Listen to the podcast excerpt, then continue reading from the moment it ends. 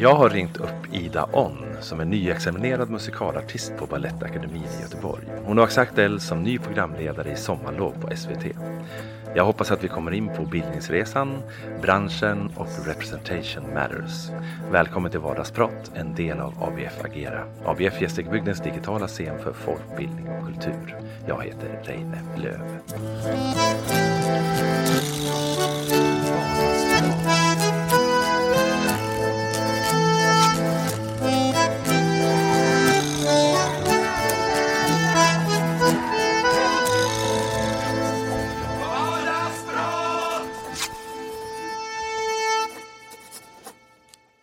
Välkommen Ida!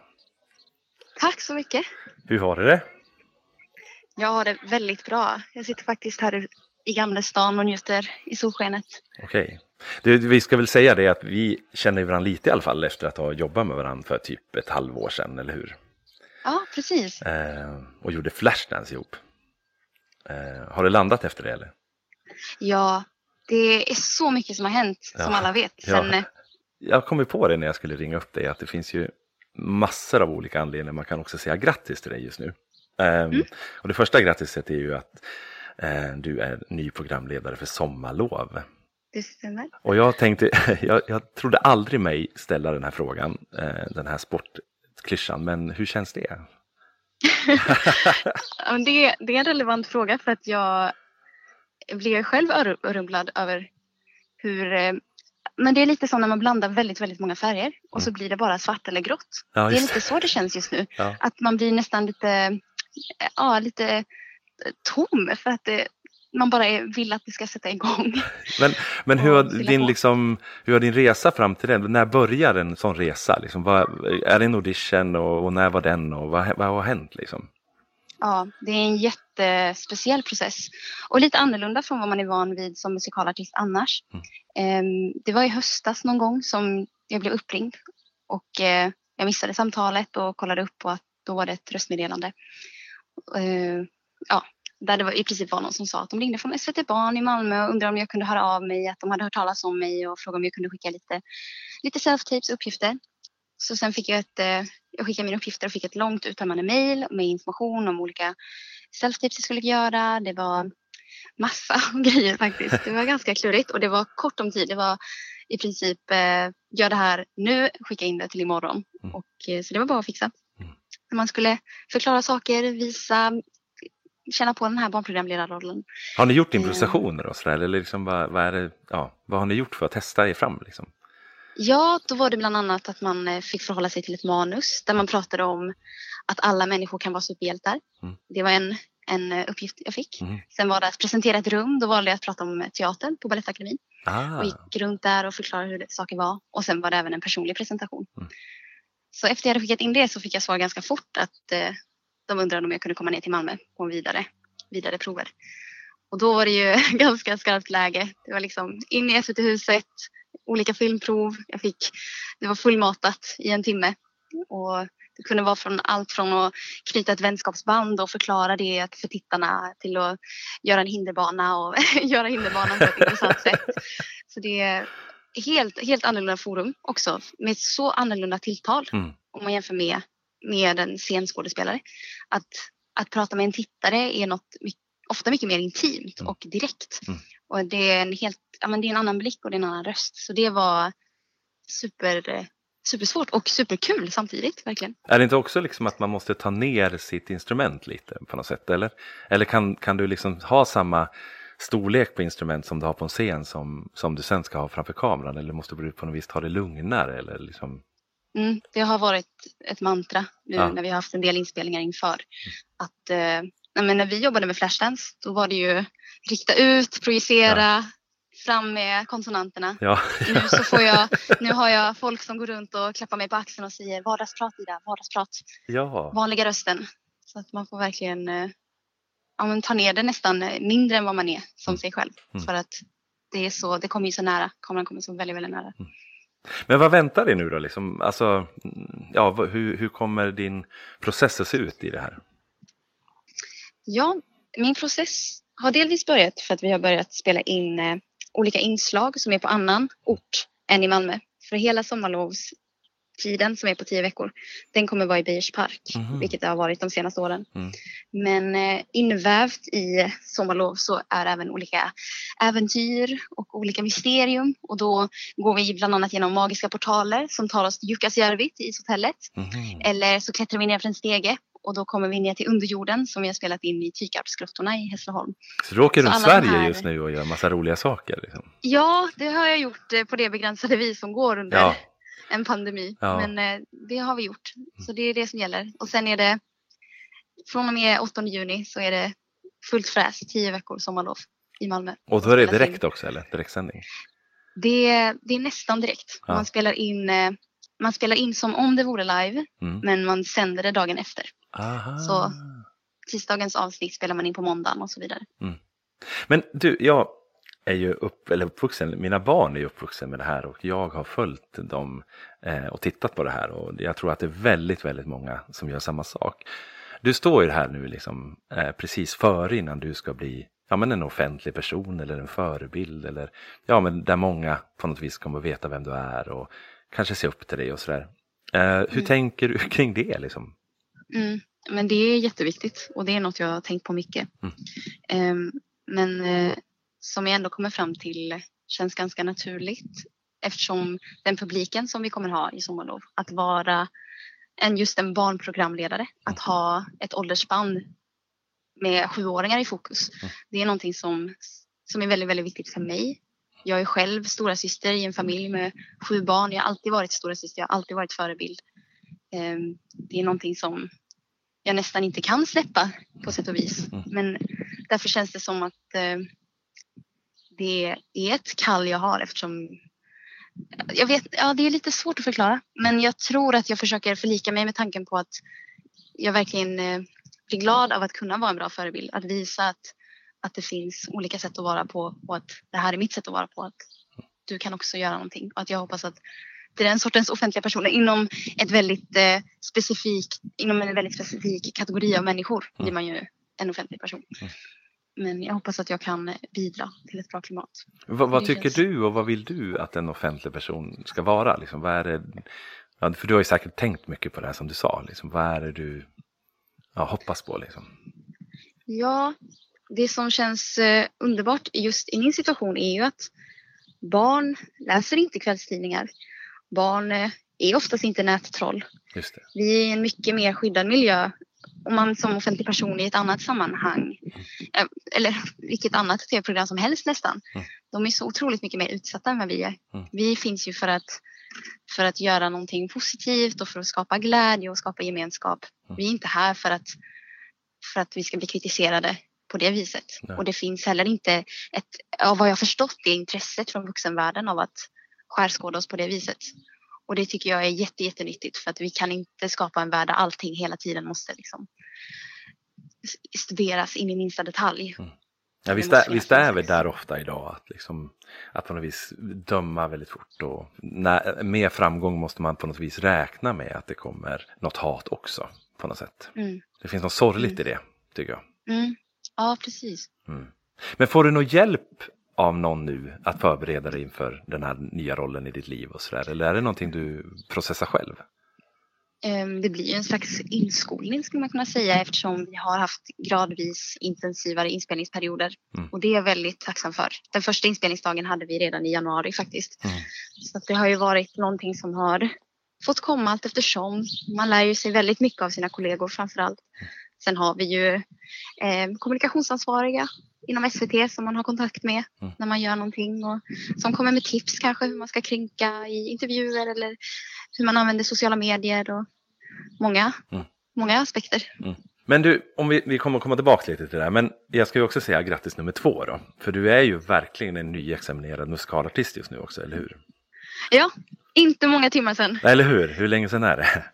Oj, jag vet inte, kanske tre timmar sedan jag fick diplomet i min hand. Känner du dig som, som en, en, en utblommad musikalartist nu? Eller? Um, ja och nej. Jag tror att jag har fått eh, omdefiniera vad det innebär att vara en musikalartist. Mm. Um, så jag känner mig som min sorts artist. Men kanske inte som den musikalartisten som jag trodde att jag skulle vara när jag sökte in till skolan. Kan du berätta lite om den resan? Vad är det, som, vad, vad är det du har fått förändra i bilden? Jag tror att jag har fått ett, eh, ett djup eh, på det artist, inom det artistiska just att, att väcka den här frågan varför man gör saker. Mm. Varför vi gör det vi gör. Vad vill vi, vad vill, vad vill vi komma med konsten? Mm. Och att lämna de eh, vad ska man säga, de här enklare mätbara kvaliteterna. De känns inte lika viktiga längre.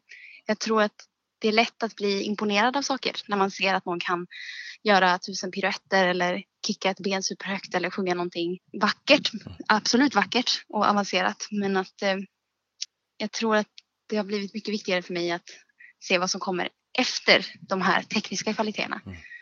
Och det är nog lätt, eller det kände jag i alla fall, att det är lätt att stirra sig blind på dem väldigt eh, konkreta sakerna. Men de känns, eh, nej, de, det, det, finns någonting annat, något eh, sinnligare, något mer intressant som jag vill utforska. Och det där det, känner jag igen mig i det här, hur viktigt det där varföret är. Så att, så att man inte fastnar i kicken eller att, att det är kicken man söker eller det är, vilket varför eh, har du landat i nu? Ja, nej men det är viktigt och det, mitt varför just nu är ganska speciellt för att i samband med att vi tog examen fick vi även läsa ett brev som vi skrev till oss själva första dagen vi gick här på Balettakademin. Och eh, det var väldigt intressant för att redan då, jag hade kanske inte lika tydlig bild, men redan då hade jag en stark ambition om att jag ville något mer och att jag faktiskt verkligen skrev i brevet att jag vill vara en person som någon annan kommer se upp till. Jag vill vara en person som inspirerar andra till att nå sina mål och att ta nästa kliv och att utmana sig själv och bilden av sig själv. Mm. Så just nu känner jag verkligen att det är mitt varför. Att, att jag tänker på alla människor som, som känner sig begränsade eller som inte känner att de blir representerade eller tror att saker är möjliga men att det, det går. Mm. Ja, det är lite svårt att formulera men det hänger Nej, men, absolut ihop med ja. det här med att vara en förebild. Ja, jag tänker på Flashdance också, när vi, när vi, för den handlar ju också om en, en resa från eh, alltså bruksgolvet och vilja komma in på en dansakademi. Och, eh, och det som är intressant med, med den karaktären det är ju att hon kommer inte bara in där utan hon kräver också på något vis att dansakademin i sig ska förändras för att hon ska gå där. Har du tänkt på det någon gång? Att, liksom att, att jag vill också liksom förändra branschen eller jag vill, jag vill faktiskt också stå, alltså, orka vara mig själv i den här branschen. Eller, få ta plats Nej. som mig själv. Liksom. Precis. Men jag tror att det, det känns som att det finns en kollektiv anda mot det. Att man inte är en förbrukningsvara på det viset utan att alla har rätt att behålla sig själva och behålla sin integritet och inte bara sälja sin själ för att, för ett, en, till en högre makt för att de har en vision utan att det är i alla fall eh, den andan som jag tycker att jag har befunnit mig i att folk verkligen vill vill vara sina egna och presentera det som gör en själv speciell och att man inte kan göra det på bekostnad av att man på något sätt behöver vara mindre eller behöver göra någonting eller säga någonting som man är obekväm med eller som går emot ens värderingar kring lika värde eller så. Mm. mm.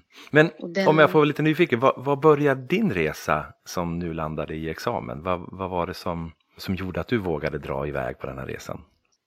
Um, när jag och min storebror som eh, bara är något år äldre var små så bestämde mina föräldrar att vi skulle spela piano för att vi skulle bli bra på matte.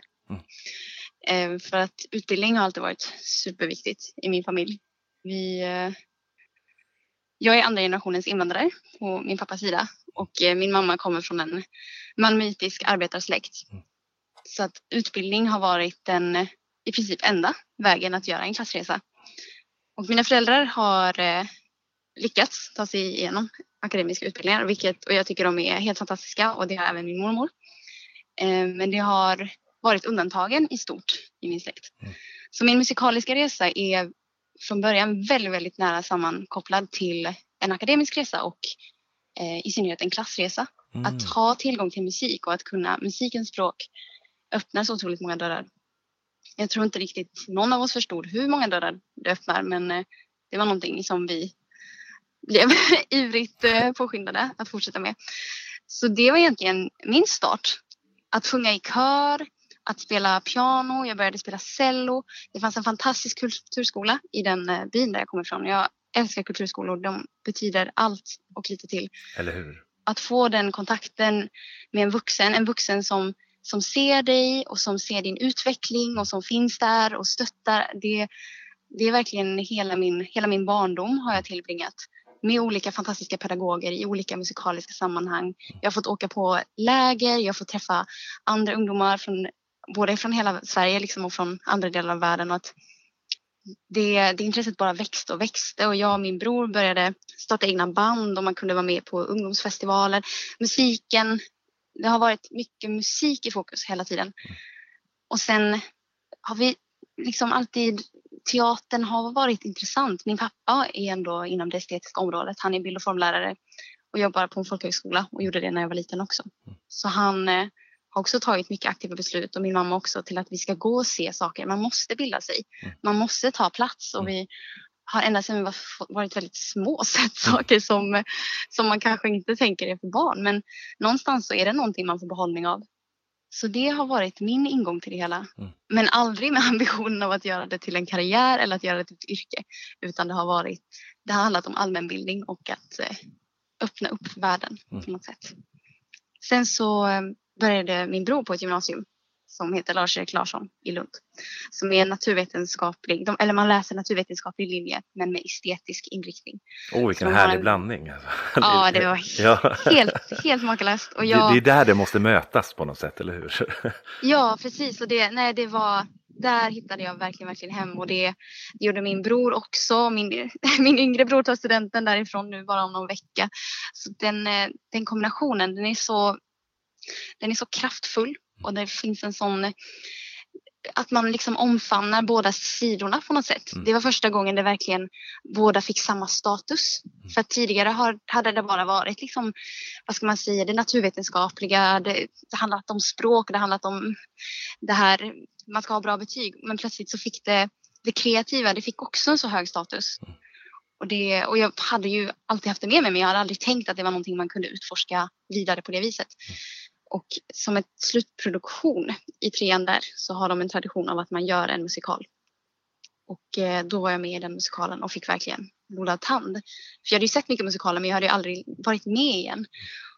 Och det var någonting som klickade för mig. Och efter det så gick jag ett år på folkhögskola för att jag tänkte att det här kan väl vara trevligt att utforska som en kul grej. Men det är ju bra. Jag har hört att det är bra att göra någonting annat innan man börjar på universitetet eller så.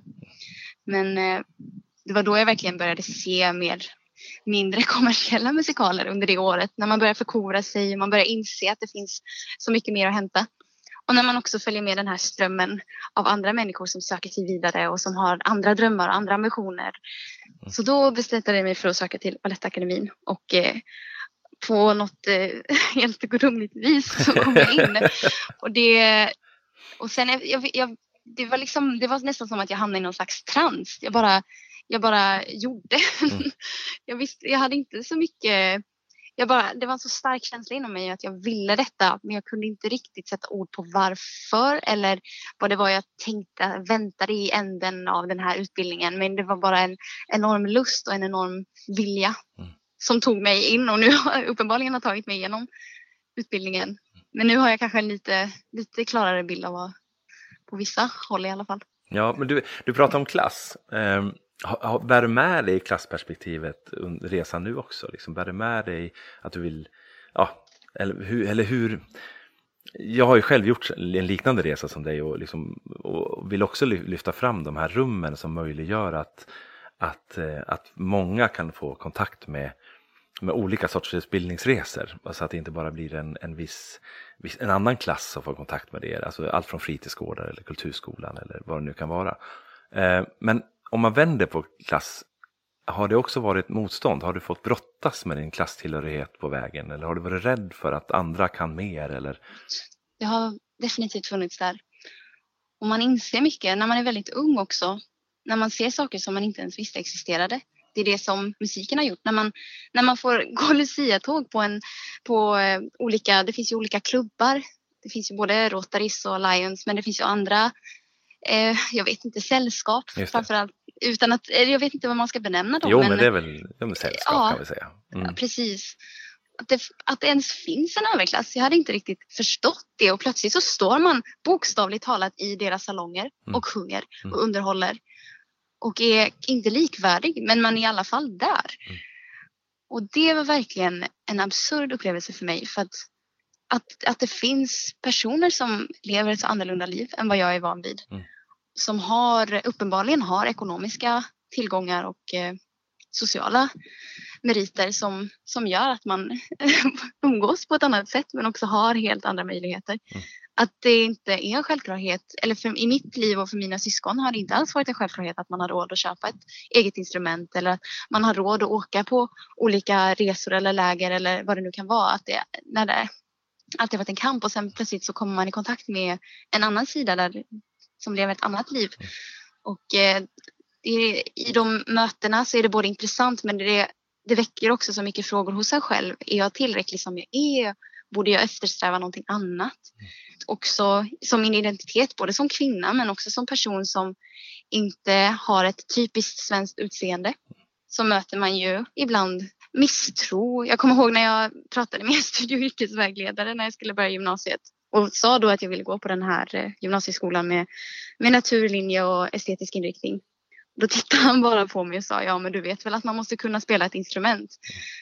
Eh, och det var så absurt att höra för att det var en sån krock med, med min självbild för jag hade ju spelat piano och cello och sjungit i kör sedan jag var 6-7 år. Mm. Det, ju, var ju, det var ju det jag var. Jag var klassisk cellist som hade tagit eh, liksom olika, det finns ett brittiskt system liksom för examen. Ja, men det, det är ju ett sidospår. Men att, att när man plötsligt kommer i kontakt med den här eh, vuxenvärlden som har en, ett helt annat uppdelningssystem och ja, Mm. Det är väldigt eh, läskigt. Och då hade ändå jag verktyg och jag hade stöd att, att ta det vidare. Jag kunde få liksom, sätt att ha ett självvärde men jag tänker att många människor kanske inte har den grunden och att det är väldigt nedslående. Mm. Det, det är någonting som verkligen upprör mig för att alla människor är viktiga. Mm.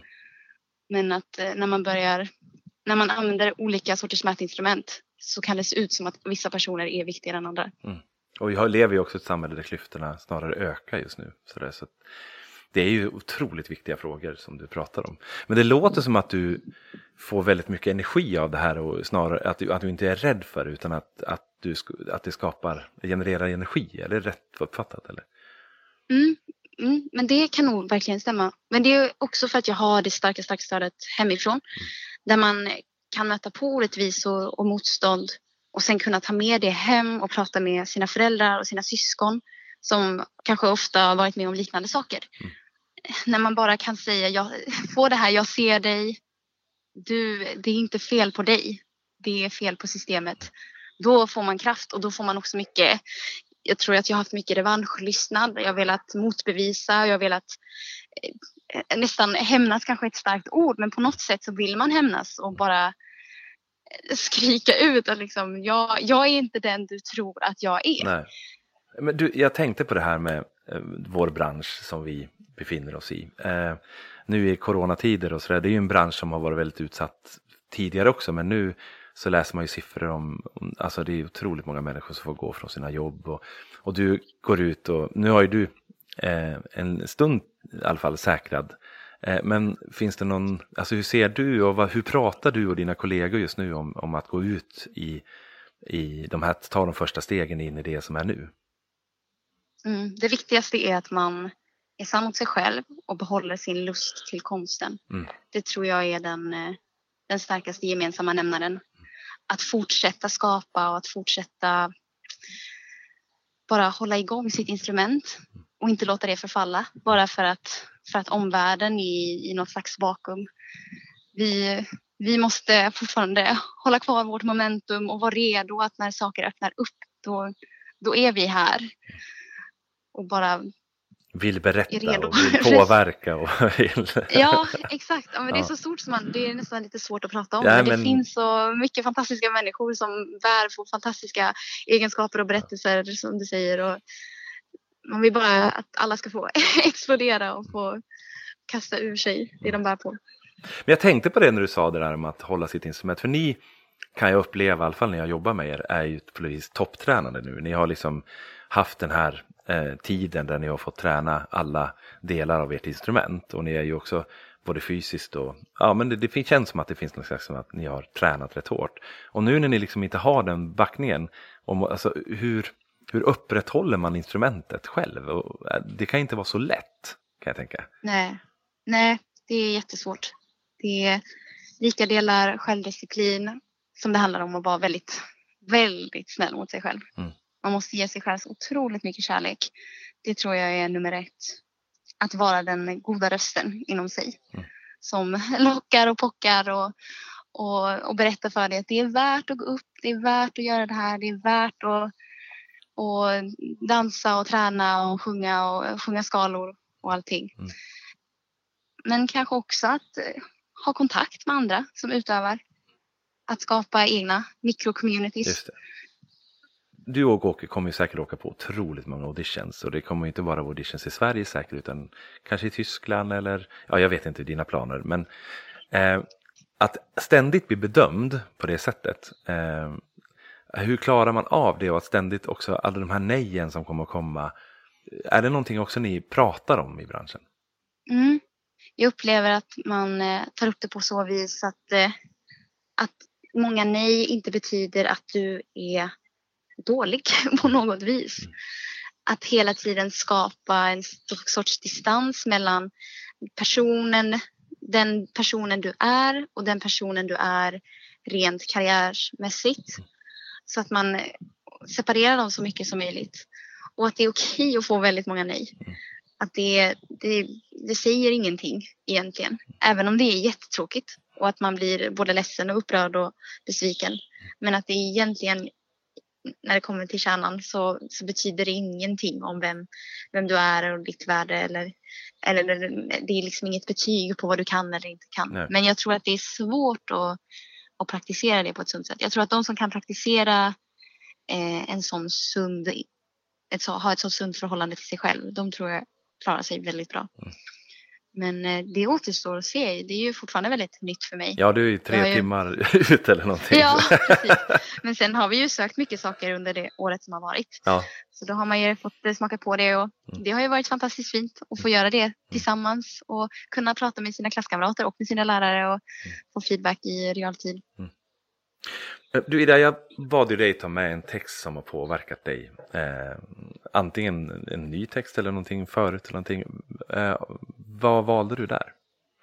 Ja, jag valde en text av Navid Modiri. Mm. Eh, det är en text som han läser upp i ett av sina album. Och jag lyssnade på Spotify och eh, det, hans band heter Navid Modiri och Gudarna. Mm. Och plötsligt så gick det in i en slags musikalisk vamp och den här texten kom och den var så otroligt stark. Och eh, den har ju inget namn på det viset men jag kallar den mellanför. Mm. Så jag, kan, jag ska läsa upp yes. en liten bit från yes. den. En gång flyktingbarn, alltid flyktingbarn. Vi springer som vi inte gjort annat. Fram och tillbaka, över gränsen, mellan rummen och korridorerna i skyddsrum. Våra hjärtan gigantiska nyckelknippor som avslöjar vår position för fienden. En gång springa, alltid springa. Det är som en nedförsbacke. Bror champagnedrömmar. Tranströmmar och absint. Vi flyter genom väggarna. Från skinnjacka till kostym. Skateboard till rullväska. Samma klickande ljud mot asfalten. En gång flyktingbarn, alltid flyktingbarn. Vi springer som vi inte gjort något annat. Lämnar sånger bakom oss för att hitta tillbaka. Veta var vi kommer ifrån. Fram och tillbaka genom rummen. En dörr stängs och den andra flyger upp av trycket. Rummet förändras när antalet andetag fördubblas. Språket är en kod. Gröna bokstäver som faller ner i skärmen. Stirrar du tillräckligt länge ser du bilderna. Binära ansikten. Sagorna du ser. Kulans väg genom luften redan innan den lämnat mynningen. Och dörren stängs. Otroligt stark text. Vad har den betytt för dig? Och vad betyder den för dig? Um, ja, det är som ordmagi. Mm. Varje gång jag läser den så betyder den någonting annat.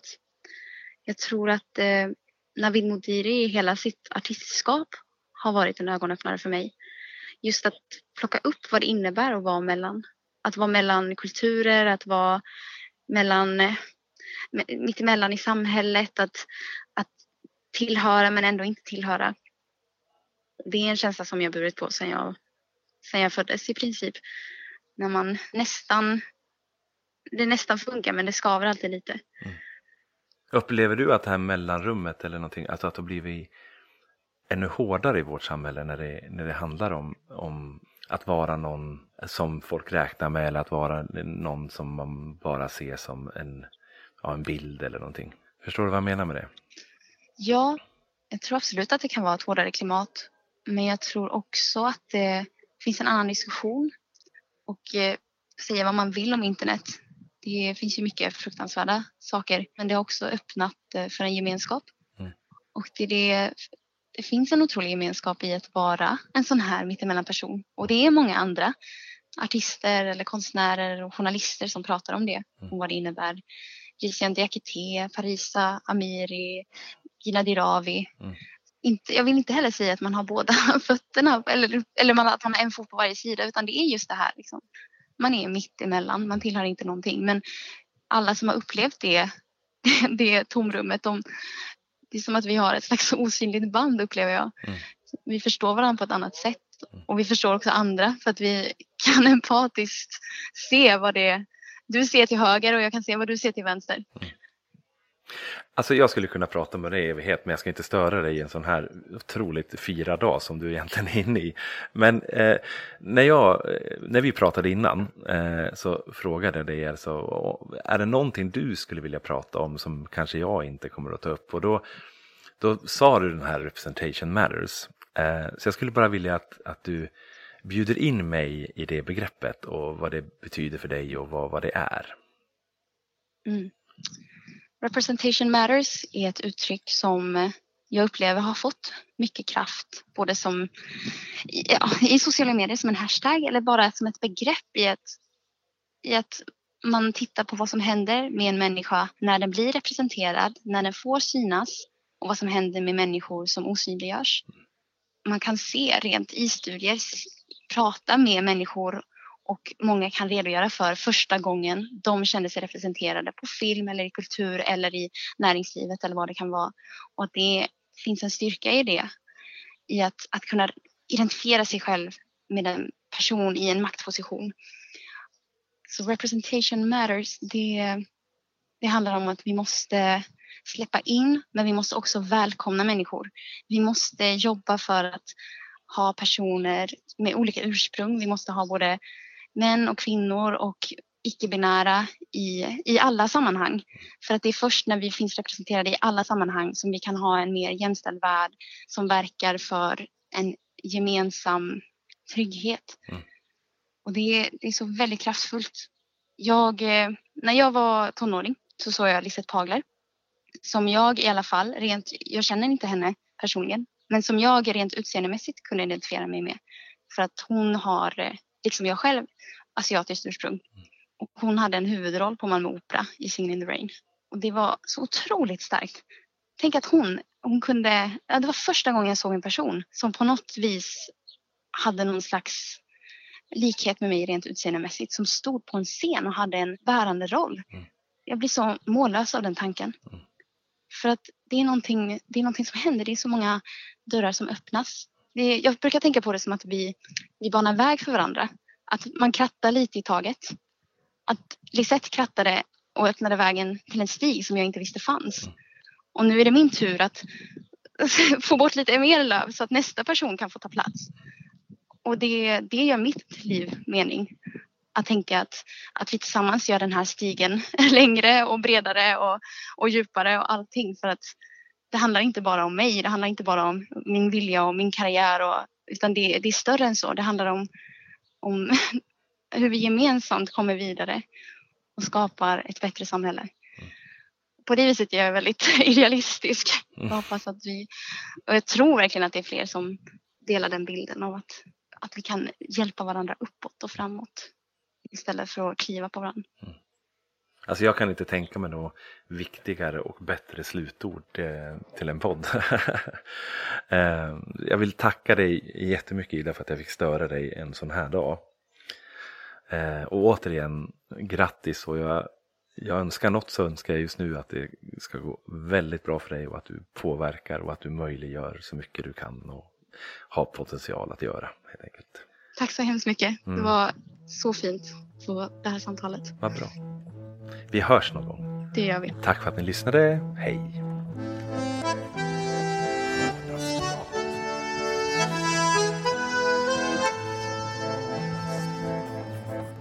Du har lyssnat på en podd från ABF Agera, en del av ABF Gästrikebygden. Jag heter Reine Löv, inspelningstekniker var Viktor Seidner. För klippningen stod Thomas Andersson. Vill du höra mer av oss kan du gå in på abf.se och klicka dig fram till ABF Gästrikebygden. Ansvarig utgivare är Torgny Jakobsson.